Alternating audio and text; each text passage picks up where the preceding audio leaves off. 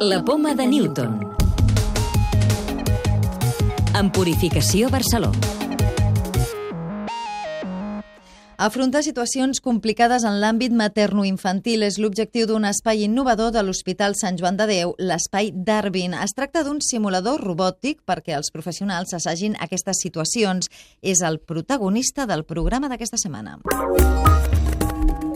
L'espai Darwin permet als professionals sanitaris recrear les situacions clíniques més crítiques, com ara parts complicats o la reanimació d'un nadó. Josep Maria Quintilla, coordinador de la unitat, i Lola Gómez, cap d'obstetrícia, ens n'expliquen els objectius. La seguridad del paciente. Y lo que hacemos es trasladar al ámbito sanitario lo que otras industrias de hace años que utilizan la simulación, como por ejemplo pues, la industria aeronáutica. Y el objetivo es entrenar mejor a los profesionales utilizando técnicas de simulación.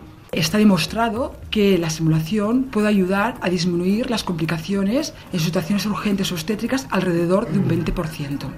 El robot pot simular tot tipus de situacions complicades. Martín Irondo, cap de neonatologia. El hecho de hacer esta simulación y hacerlos trabajar en conjunto aflora uh, a veces dificultades que se producen in situ y que estas técnicas de, de simulación las podemos detectar y, y corregir. Por lo tanto, neonatólogos, pediatras, enfermeras, auxiliares de enfermería, todos participan en, en estos programas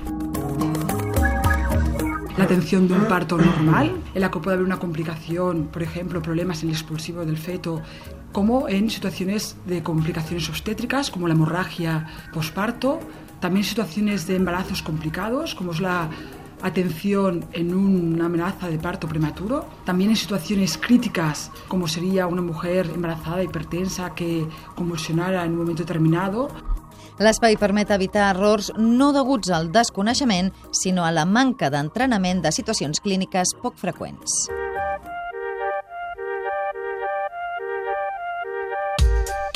També us expliquem que científics del CSIC i de la Universitat Rovira i Virgili han creat una cèl·lula fotovoltaica que pot convertir en electricitat la radiació infrarroja del Sol. En comparació amb les cèl·lules fotovoltaiques conegudes fins ara, aquesta tindria més rendiment i podria aprofitar molt més la radiació solar. Investigadors del Centre de Recerca en Sanitat Animal, el CRESA, desenvolupen una nova vacuna contra la tuberculosi. Aquests investigadors han comprovat en cabres que la nova vacuna podria ser més eficaç que l'actual, ja que reforça la resposta del sistema sistema immune contra la infecció i redueix les lesions i les replicacions dels bacteris. Evitar aliments com la llet, els seus derivats i els cítrics ajuda a prevenir la migranya i diversos trastorns digestius. Aquests aliments tenen una concentració molt alta d'histamina i investigacions recents han comprovat que aquesta molècula podria provocar trastorns digestius i neurològics a les persones que tenen reduïda la capacitat per metabolitzar-la. La clau de volta.